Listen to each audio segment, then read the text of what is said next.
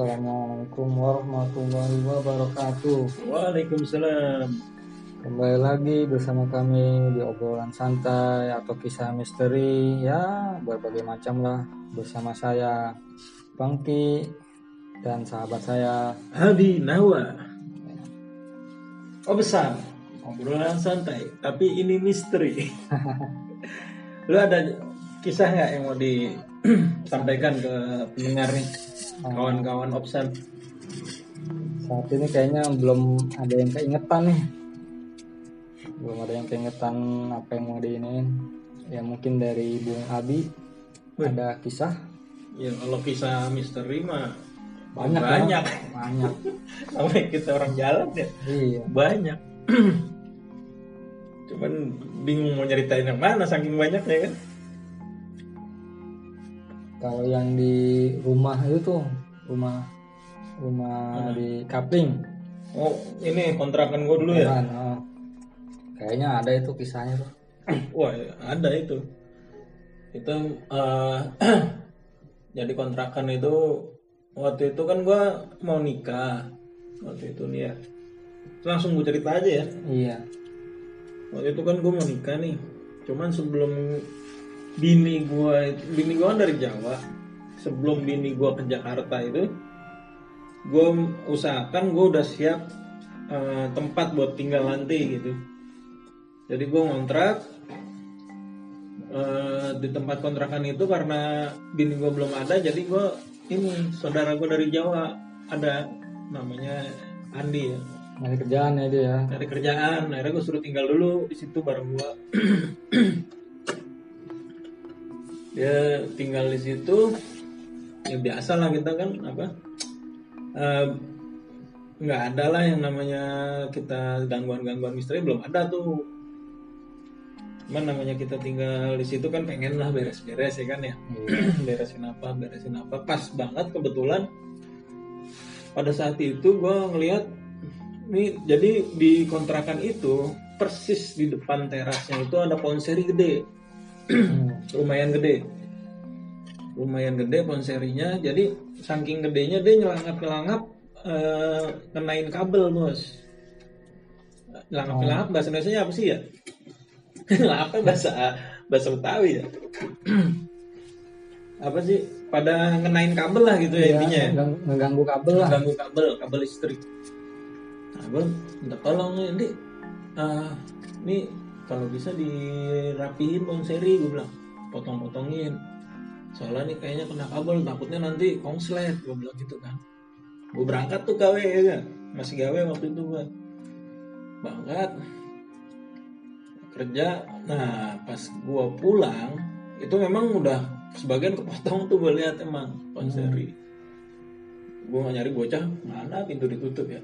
Pas itu gue masuk dan lagi ngeringkuk bocahnya ngeringkuk meng- menggigil wrinkle cuman gue masih positive thinkingnya ya namanya orang sehat masa nggak nggak ada sakit iya gitu kan. Begitu posisi dia kan habis dari Jawa juga kan Iya, jalanan mungkin. Tapi enggak lah udah seminggu kok. Oh udah seminggu. udah semingguan. Udah sakit. Cuman gue nggak ada pikiran. Firasat gitu ya. Nggak ada feeling. Sakitnya tuh kenapa gitu? Karena gue suruh motong itu. Mhm. jadi ke- ketahuannya baru nanti.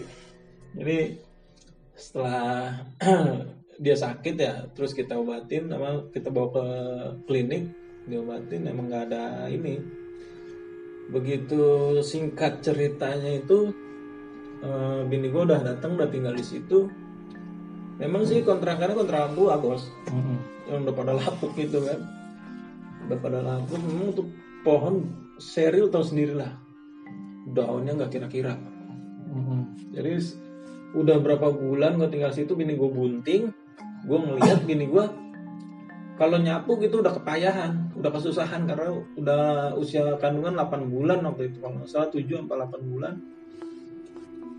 Ah gini aja dah ntar gue tebang gitu tuh pohon kasihan kamu kan nyapu gitu kan ya bini gue ntar gue tebang aja. Ya terserah terserah Abi gitu kan. Gue ngomong itu Kamis pagi. Gue ngomong itu Kamis pagi.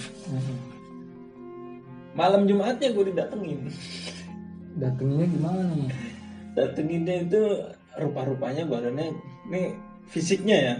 Enggak itu maksudnya lu diwujudin apa atau lu melalui mimpi atau gimana gitu? Didatengin gitu kayak gitu. gue nggak tahu ya itu datang pas gue itu gue emang tidur cuman gue rasa rasanya kayak melek kayak sadar, Kayak sadar, sadar. sadar. pas didatengin itu kayak sadar gue sadar pas disamperin itu jadi malam Jumat persis itu Posisi belum dipotong ya. belum gue baru ngomong Baru pagi niat, baru niat. Ah, baru niat ngomong tuh pagi pagi Kamis pagi ya jadi kan jatuh malam Jumat nih gue Iya. Entah diimpiin entah gue gue antara sadar dan enggak lah. Ya. Datang tuh fisiknya fisik secara fisik gue lihat jelas itu badannya gede. Rambutnya seluruh ujur tubuh tuh rambut warna hitam ikal. Matanya itu merah segede apa ya? Segede mangkok gelas itu loh apa sih mangkok gelas? Tatakan gelas Hmm. piring. Hmm. segede gitu Matanya tuh matanya. merah. orang merah. Cuman katanya gue dengar dengar katanya itu genderuwo nggak katanya. Iya, katanya. gue dengar dengar itu genderuwo. Coba badannya gede. Jadi pas itu tuh dia datang gue usir. Gue usir usirnya usir fisik gue belum belum belum ingat kebaca doa apa enggak. Cuman gue usir gue dorong dorong gue dorong jadi gue sentuh ada sentuhan berarti dong ke gue rasanya menyentuh. Oh, gue rasanya nyentuh. Jadi gue dorong itu gue dorong da jadi dada nih. Pokoknya tingginya dia gue berdiri gue berdiri itu gue megang leher gue gak nyampe. Megang leher dia gue gak nyampe. Ke plafon Eh, atau kurang. sekitar itulah pokoknya dia bisa masuk ke rumah. Oh, tapi lehernya dia gue pegang gak nyampe. Oh. karena main cekek-cekekan Posisi tinggi badan lu sekitar 170 180. 170 170 berapa gitu ya nggak nyampe 180 gue Itu itu itu posisi lu masih nggak nyampe megang lehernya dia. ya? karena leher gue udah dipegang duluan Hmm. jadi gue dicekek apa mau dicekek tapi gue tangkap tangannya gue mau cekek balik itu gue gak nyampe Mm-mm. gitu Ja- jadi kebayang lah ya Iya. kebayang ya tapi alhamdulillah gue bisa kepegang tuh tangan tuh tangannya dia itu bisa kepegang sampai nggak nyekek gue Mm-mm. itu baru satu.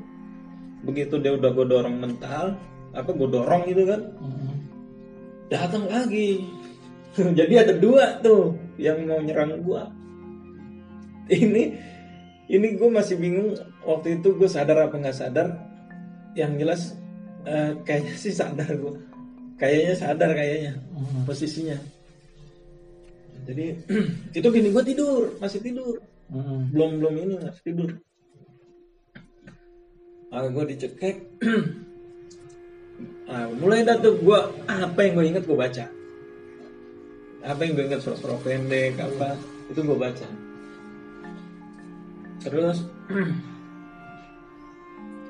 eh, setelah gue ini gue masih alhamdulillah masih sanggup dorong gitu gue setelah baca doa Allah alam gue dapet kekuatan. Dari mana gue nggak ngerti itu masih sempat ngedorong.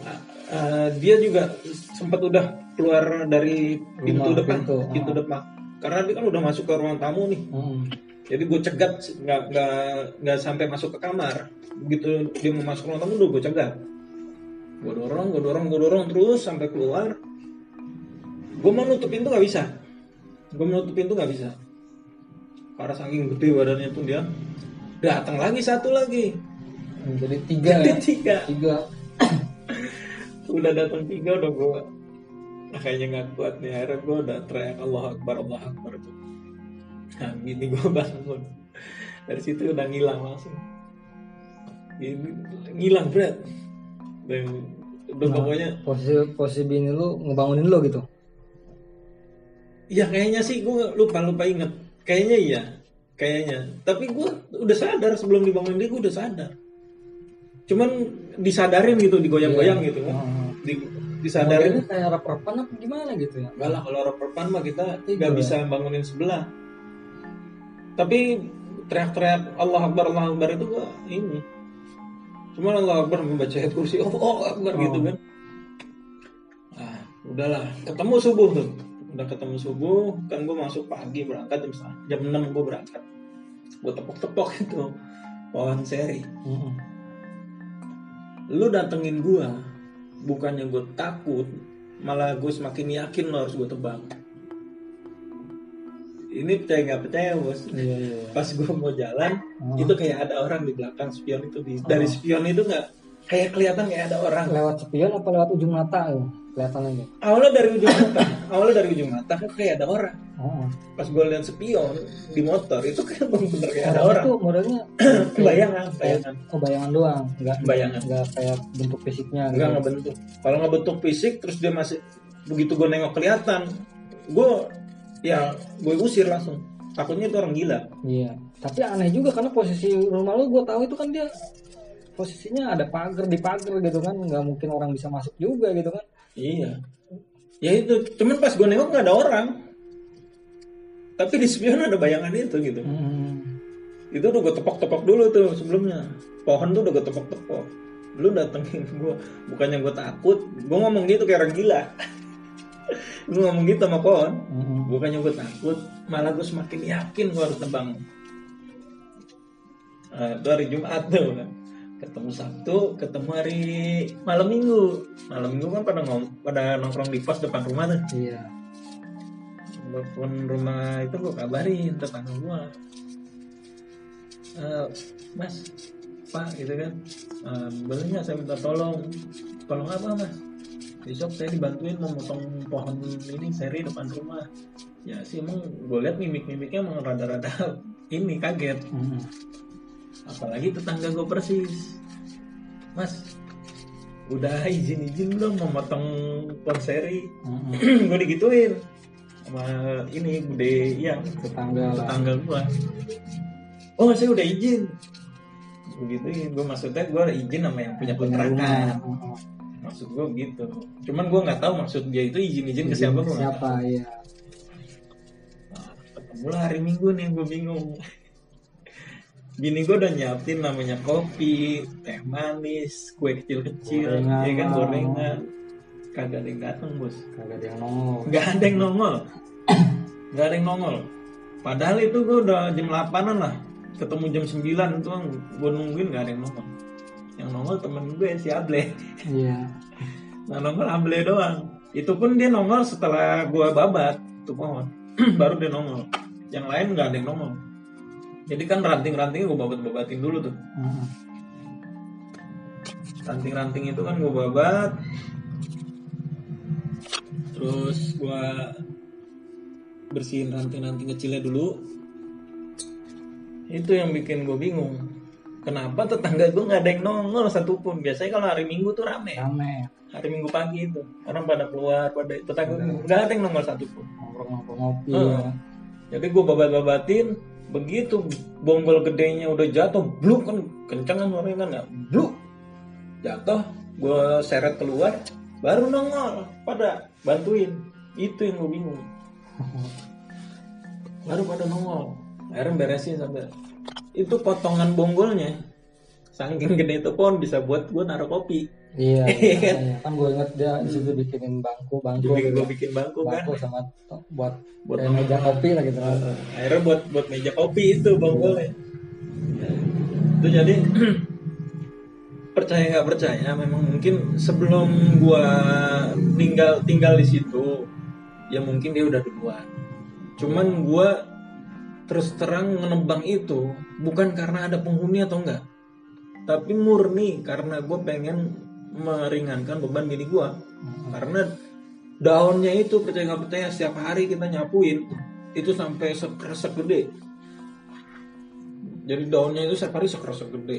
Sapuin lagi sekresek gede. Bini gue udah bunting gede kan repot. Iya. Makanya gue tebang gitu bos ceritanya di situ tuh. Nah om Yoko yang jadi RT nah itu gue nggak cerita ke dia soal mimpi gue oh, oh. ya kan? Cuman dia ngomong mas yang pohon seri di tempat sampean itu penghuni ada tiga makhluk kata dia. Bisa tahu dia ya. Iya gue nggak tahu. Ada tiga makhluk sekarang udah pindah oh. dia bisa ngelihat kayaknya. Kayaknya sih gitu. Mm-mm. dia bisa ngelihat. Sekarang udah pindah. Pindah pindah ke mana pindah ke mana om? Gitu kan adalah ke situ kontrakan kosong. Hmm. pindah itu, itu percaya nggak percaya dah. Tapi memang gue sih eh, sampai itu nebang blek ya. Gue nggak nggak terlalu ambil pusing lah. Yang gue bingung cuman itu kenapa tetangga gue udah gue undang. Itu Nggak makanan gue sediainnya di pos bos. Oh, semua orang bisa ngeliat. Oh, oh. Kok kenapa nggak ada yang keluar? yang keluar. Ya. ternyata itu ada sesuatu gitu. Cuman kita kan modal bismillah aja kan. Iya. sampai gue tepok-tepok itu pohon. Ini kebanyakan orang kalau udah ada tahu itu dianggapnya pohon itu ada penghuninya angker lah gitu kan nggak berani. Bahkan ada yang sampai bilang kagak bisa motong lah atau gimana gitu kan pernah dengar nggak? Maksudnya pohon itu ah, pernah ada yang nebang-nebang tapi nggak bisa gitu. Wah itu dekat rumah gue sana Di rumah bokap. Enggak yang yang yang pohon yang depan rumah lu itu yang seri itu. Oh nggak nggak tahu nggak Belum- tahu. belum pernah ada yang cuman nyoba. memang ternyata yang saudara gue yang tadi gue ceritain di awal Mm-mm. begitu nebang dia sakit nggak cuman dia. Penghuni sebelumnya ternyata juga begitu. Oh, penghuni sebelumnya yang gue ngontrak jadi dia ngerapihin tetet tetet tetet besoknya sakit. Alhamdulillah si Andi tuh sakit cuma sehari dua hari. Itu iya. Nggak nyampe lama. Gitu. Itu gue dengerin gitu. Asal terus ah kayaknya udah mulai rindang nih.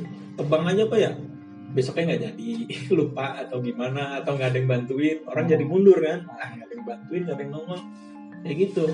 Akhirnya tuh bertahun-tahun pohon itu kalau nggak salah lagi zaman masih ada lapangan tuh pohon udah ada. Hmm, Saking iya. lama. Tuanya sampai bonggol itu gede. Bisa buat ngopi. Buat naruh meja buat naruh gelas. Iya. Bisa lima gelas lah situ. Tapi setelah lu motong itu ada ada reaksi apa gitu? Nggak ada ya, nggak ada, alhamdulillah Biasa aja ya itu kalau kita yakin itu insya Allah nggak kenapa apa gitu kan. Mm-mm. ya wallah alam lah kita begitu kita yakini apa yang kita tahu yang kita tahu ya. Yang penting itu di jalan yang bener lah insya Allah. Nggak nggak nggak sakit juga kan nggak kan? Nggak sakit juga alhamdulillah. Nggak ada meriang gitu nggak kan. ada meriang alhamdulillah. Ya gitulah kisahnya itu emang ya sebelum gua ngontrak juga udah ada yang ngontrak kan? Iya. emang kisahnya begitu. Kisahnya setiap nebang beres padahal beresin doang nggak nggak niat buat ngabisin. Mm-mm. itu langsung pada meriang sakit. Nah terus setelah tiga uang lah itu dari ceritanya si Om Yoko saudara gue sakit gitu. Oh ternyata begini gitu. Gue padahal nggak cerita loh gue disamperin tiga gue dulu Iya. Gue nggak cerita Om Yoko cuman dia Jadi tahu ya. Iya langsung ngasih tau gue gitu. Itu setelah ditebang. Gue nggak cerita Mungkin saya bisa jadi pelajaran buat orang-orang sekitar maksudnya kalau kita nggak menganggap itu sesuatu yang berlebihan nggak akan terjadi apa-apa gitu kan. Alhamdulillahnya gitu. Kan mungkinan mereka tuh nggak datang itu kan kemungkinan karena ada rasa ketakutan kalau ini ditebang nanti akan ada efeknya buat dia buat orang-orang itu gitu kan Ya, jadi eh, karena kita apa? Karena orang tersebut punya eh, pemikiran seperti itu, akhirnya direalisasi kan gitu. oh, oh. Direalisasi dengan apa yang hasil dia pikirkan itu. tapi kalau menurut gue sih si yang saudara lo nebang itu pun dia nggak pernah kepikiran nggak ada kepikiran sama sekali masalah ini ada po pohon ada penghuni apa enggak tapi Hmm. dia bisa kena juga maksudnya bisa mungkin ya sakitnya itu mungkin ada gangguan dari penunggu situ gitu kan Ya, Allah alam gue Nggak juga tahu. Yang nggak jelas sih, sih mungkin itu kayak teguran mungkin ya. Kayak contohnya gue datengin, itu kayak kita diuji dulu gitu. Heeh. Gue tidak disamperin. sanggup nggak gitu kan Sanggup nggak? apa lu ada punya rasa takut terhadap jadi itu malah nggak jadi Iya, gitu kan? jadi malah mengistimewakan pohon itu ya Hmm. Makanya gue sampai tepok-tepok. Gak ada gue kayak orang gila. Bukannya gue mau nantang enggak bos enggak. cuman gue meyakini aja diri gue bahwanya gue nggak salah gitu oh. intinya gitu aja sih gue gue tepok-tepok pun sebelum gue berangkat kerja gue disamperin bukan gue takut malah gue tebang besok seingat gue sih abis nebang itu gue dateng malamnya hmm. Ya, Iya, langsung kita ngopi kan? kopi ya. iya langsung kita ngopi. bekas bekas ini bekas tadi tebangan jadi kopi. Dia itu buat nongkrong buat tempat duduk Iya. yang bawahnya itu. Ya memang sih hawanya langsung beda sih bos bos langsung cerah ya. Ah. hawanya langsung beda begitu dipotong itu. Ini ya biar pendengar, pendengar tahu ya pohon itu berada di teras. Depan di teras di terasnya masuk ini bukan teras gitu bukan di luar pagar ya di dalam lingkungan Di dalam- teras gitu. di dalam pagar. Jadi memang spot paling enak buat ngopi-ngopi di situ. Iya. Ar- kalau ada angin gitu langsung kena kan di depan. Terus juga ada angin dari exhaust fan kan? Iya. Jadi adem terus. Wah, gitulah itu tuh di di kontrakan itu selain itu yang di situ kontrakan itu nggak ada. Ya ada sih. Cuman di kontrakan itu emang dasar ujiannya itu tikus bos. Tikusnya tikus gede banyak. tikus gue banyak. Tikus banyak sampai tangan gue digigit tikus ya di situ terus sama kelabang. Kelabang gede-gede banget itu kelabang banyak banget itu di kontrakan itu kontrakan tua sih. Iya. udah pada keropos ada gitu posisi belakangnya itu kan kayak kayak Jember gitu ya. Jember ya kayak got dulunya kan bekas got katanya. Yang got kecil lah itu ya buat pembuangan. Hmm. nah, kalau lu kan tadi berangkat kerja nih. Nah itu kalau di lingkungan kerja itu biasanya banyak tuh lingkungan kerja tuh. Nah itu ada nggak tuh? Bukan banyak lagi tempat gue kerja kan peleburan dulu ya. Iya. Jadi kita sempat ngobrol tuh waktu itu yang masalah si tulang tuh kerja di peleburan. Iya. Nah sebenarnya gue tuh dulu kerja di situ. Oh. Dulu udah lama. Gue kerja di situ. Jadi pas di peleburan itu memang ya dahsyat banget sih karena waktu pembuatan ini cerita orang-orang lama ya. Karena alhamdulillah gue dulu semejanya sama orang-orang tua orang-orang lama. Mhm. manajer manajer itu. Manajer supervisor terus meja sama mereka karena mereka kalau lagi makan siang tuh suka cerita gitu iya Nah, gue dapat cerita namanya Kosupri. Kosupri itu eh, awal pendirian gudang pertama. Jadi gudang itu ada gudang yang dulu banget ada, Mhm. tapi ada gudang kesinian gitu. Nah, yang pertama gudang kes- kekiniannya itu dia tuh Belanda. Jadi Kosupri cerita dulu di situ di peleburan itu ada orang lagi makan siang. Nyender di tumpukan besi. Nyender tumpukan besi. Jadi besinya itu jangan lu bayangin besi beton yang kecil-kecil bukan. Tapi besi yang akan segera diproduksi yang masih gede-gede batangan gede-gede itu. Disebutnya bilet. Udah disebutnya bilet. Itu Hmm. lagi makan di sebelahnya. Entah kenapa bilet tuh ambruk bilet tuh ambruk. Tumpukan bilet. Tumpukan bilet tuh ambruk. Di bawahnya itu orang lagi makan. Ngejret Mhm. pecah apa ngejret ngejret pokoknya yang lucunya cerita dari dia itu selama sebulan kan di otopsi segala kan ya dia apa diambilin lah selama sebulan tuh ngambilin dagingnya nggak habis. Wah ini bekas jarinya nih. Iya. besok lagi ada yang nemuin oh ini bekas kuping. Ini bekas kayak gitu itu selama satu bulan. Nggak habis. Selalu aja ada pas orang lewat situ tuh. Ketemu. Nemu lagi apa kulit apalah Iya. entah apalah. Malah orang sampai me- mejret Ih, bayangin udah yang dibayangin ya itu. Eh danger banget sih memang peleburan mah. apalagi banyak kecelakaan kerja ya. Yang ya otomatis nggak masuk ke ruang publik lah karena Nah, itu, itu- kan citra kan. itu pas kejadian itu tuh dalam waktu ininya ada nggak teror-teror apa gimana gitu kan? Kejadian yang mana? Yang kejadian yang dia ini di yang kejatuhan jilat itu.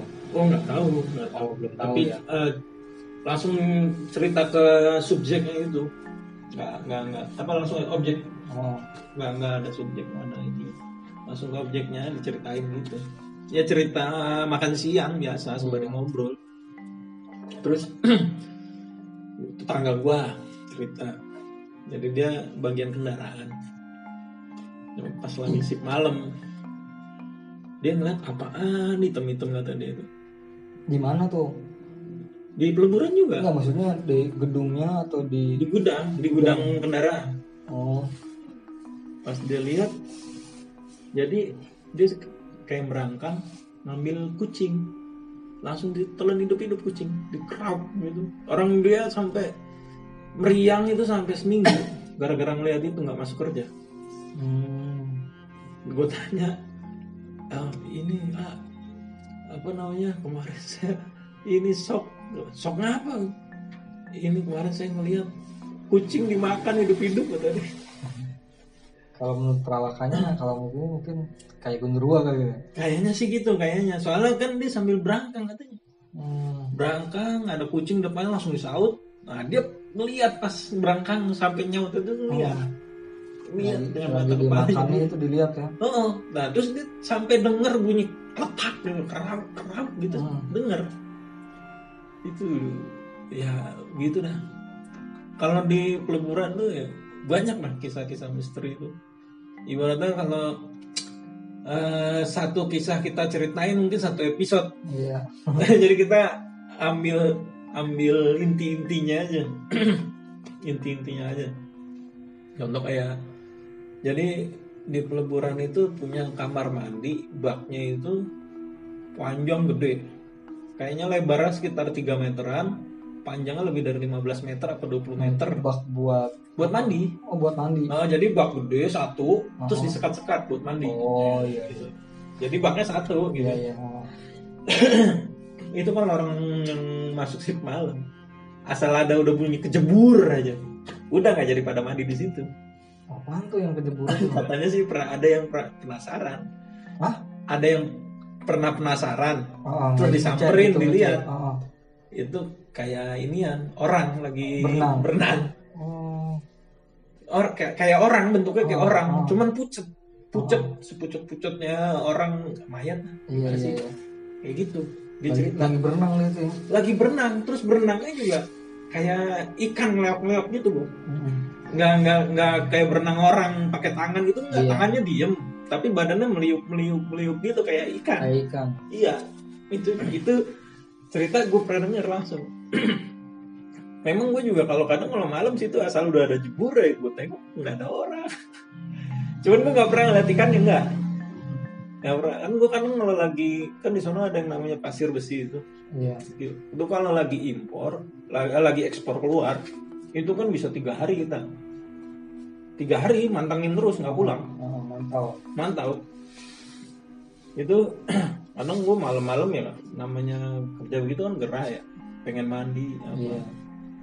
Mandinya di situ tuh mandinya. mandi di situ gue Bukan di kantor. gue nggak di kantor karena kan ini kita ke kantor udah males ya nggak terlalu jauh cuman males gitu Oh. kalau di kantor kan sempit tempatnya Oh, kamar mandinya tuh sempit karena bukan buat mandi buat buat wc buang air gitu iya. kalau di kantor di jebur gue lihat kagak ada orang air juga nggak gerak tapi ada bunyi jebur coba Itu di kamar sebelah. Di sebelah sono. Oh. Heeh.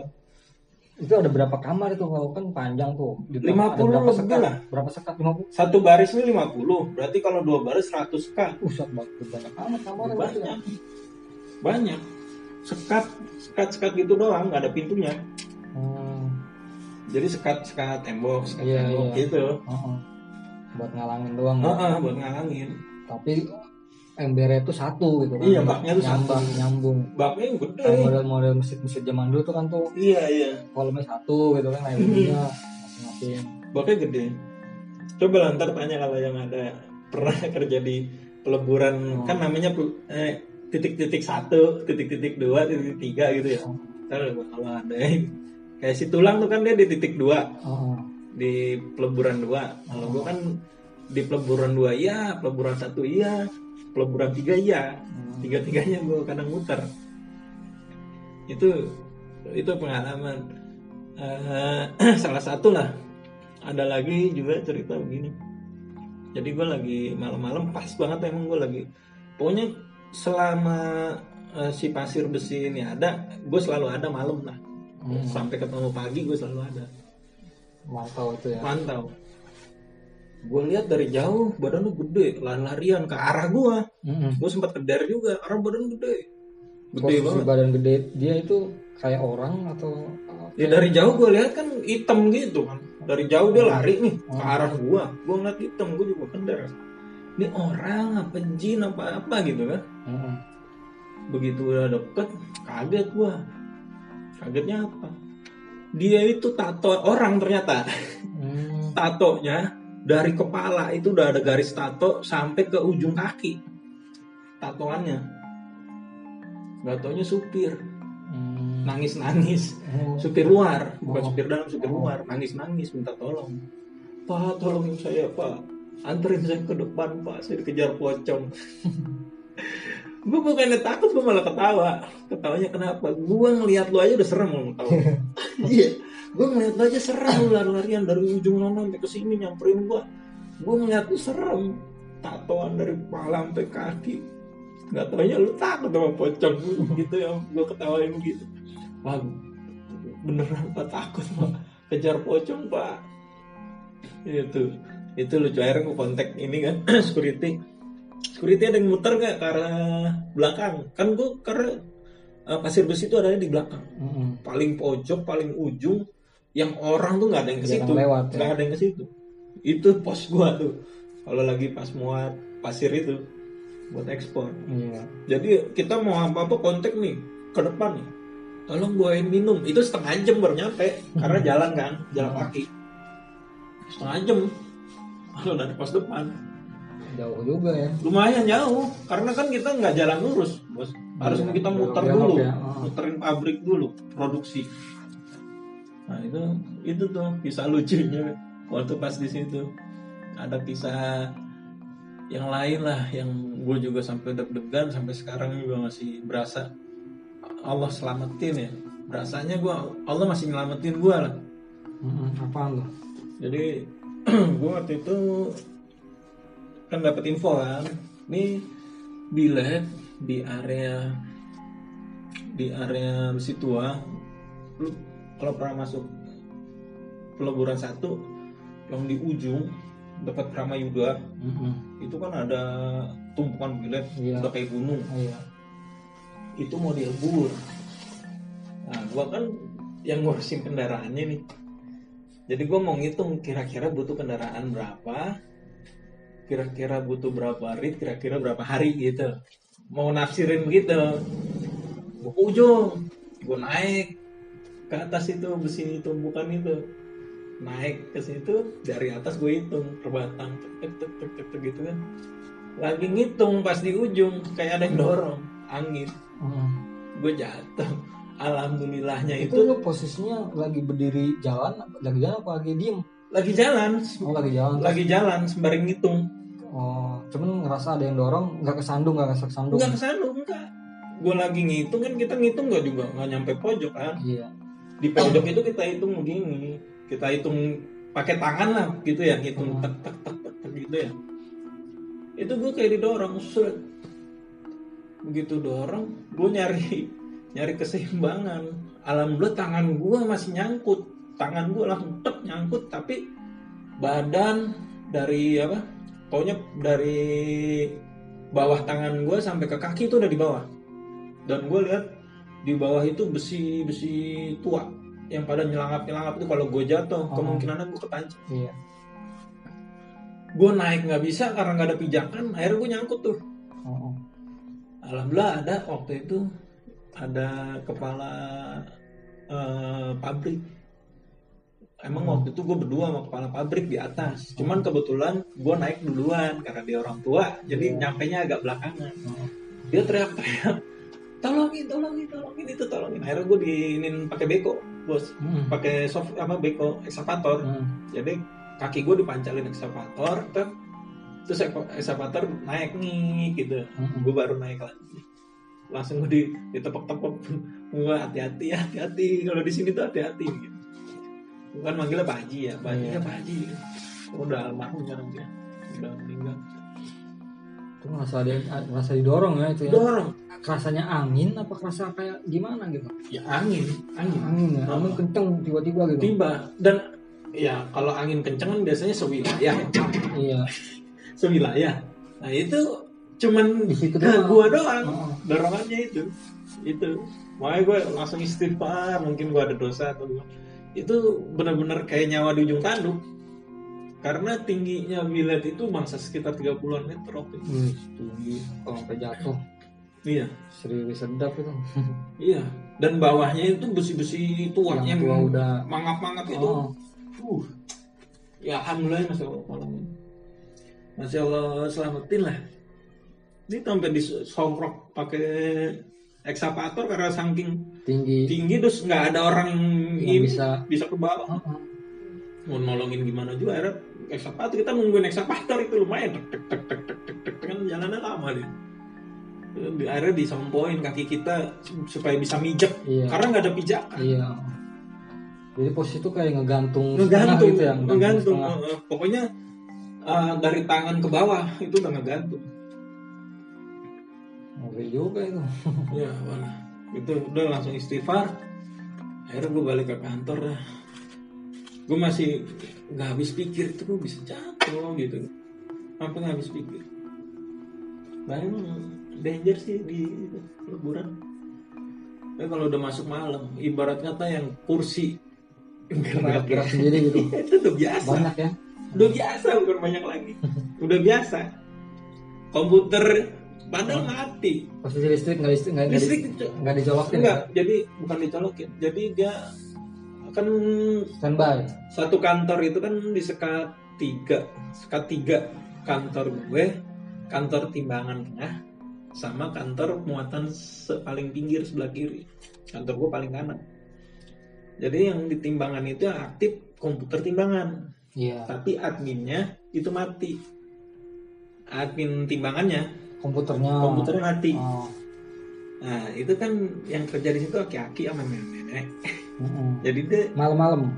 Enggak. Enggak oh. Paginya gitu. Oh. Cuman kan gua tuh masuk masuk malam. Oh. Eh, bukan masuk malam gua waktu itu emang lagi ekspor ada ekspor. Akhirnya gua sampai malam. Itu komputer itu namanya aki-aki beda sama kita. Kita shutdown komputer udah tinggal. Iya.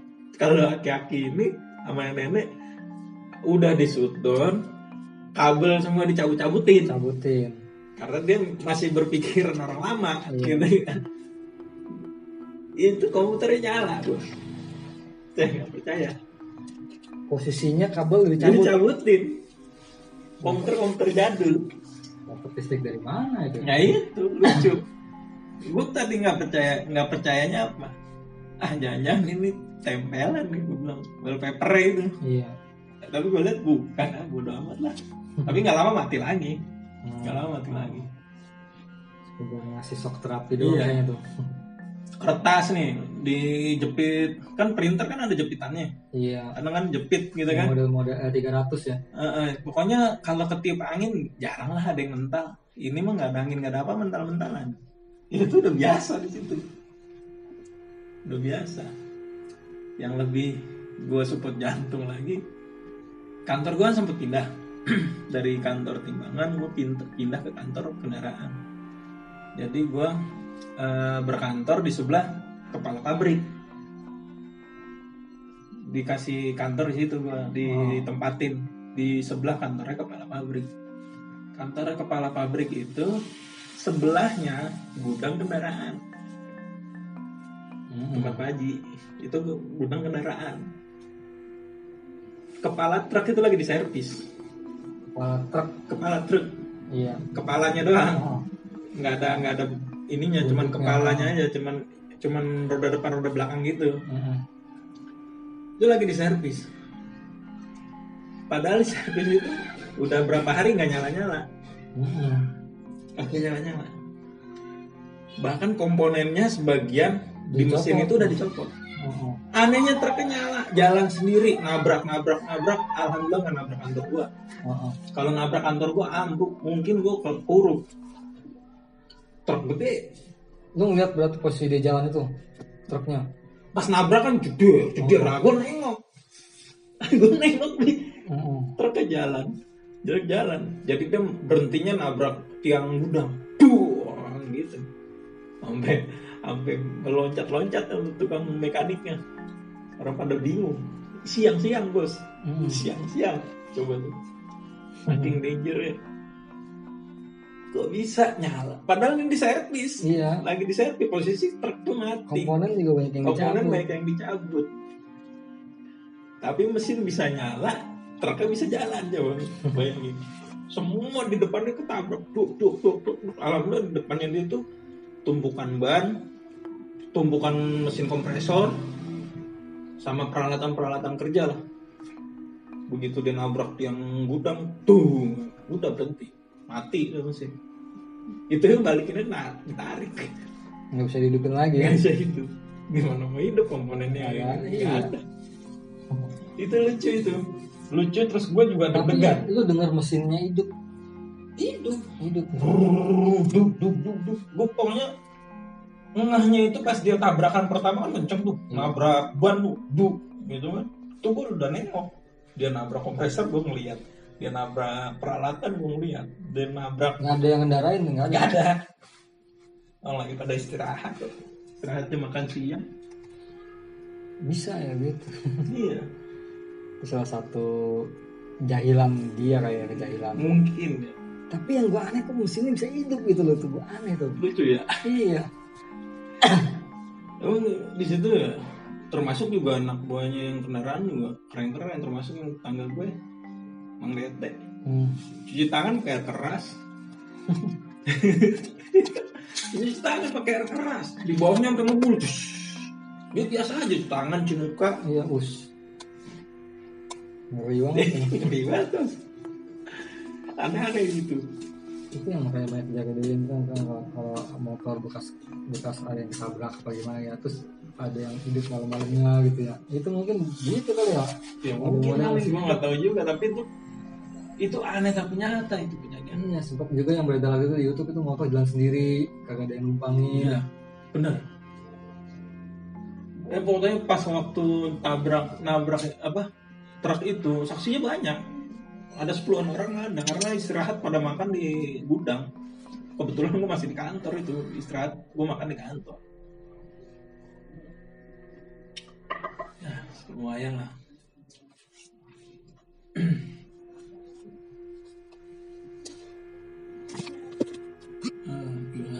gitulah kalau kisah misteri di peleburan itu lumayan lumayan banyak. itu belum semua ya Uh, belum Masih semua banyak masih lagi. banyak sampai ada yang eh, karyawan itu absen masuk nih, tapi selama tiga hari nggak absen keluar. nggak sampai saat detik ini nggak ketahuan bangkainya. ngilang gitu aja Iya, di dalam nggak tahu mati di mana. Ini, aduh nih kalau kebongkar juga nggak enak juga ya. iya keluarganya sampai bingung kok nih orang nggak keluar nggak pulang. pulang gitu kan. Terus ada dicek di absennya dia ada absen masuk cuman nggak ada absen keluar. Absennya masih gantung. Oh. Gitu. ya banyak lah pokoknya bos. Nanti dilanjutin di lain episode Iya, mungkin ya. lain kali bisa disambung lagi. Ya karena ini mungkin udah agak terlalu lama mungkin udah pada bete dengerinnya ya kan. Biar nanti kita sambung lagi biar kisah-kisah Ya, nggak ada-. Pendengar yang punya kisah mungkin nanti ya bisa dikirim-kirim kita obrolan santai aja Iya. kalau bisa main kemari oke deh untuk sementara kita sudahi dulu ya iya Oke, kita sudahi dulu uh, kita pada hari ini. Kalau ada kata-kata yang menyinggung mungkin mohon dimaafkan. Kalau ada yang berfaedah, ya diambil lah faedahnya. Kalau nggak ada ya jangan diambil lah. hitung-hitung buang apa ya buang angin lah Oke, dari gua nih Abinawah cukup Saya. sekian. oke Assalamualaikum warahmatullahi wabarakatuh. Waalaikumsalam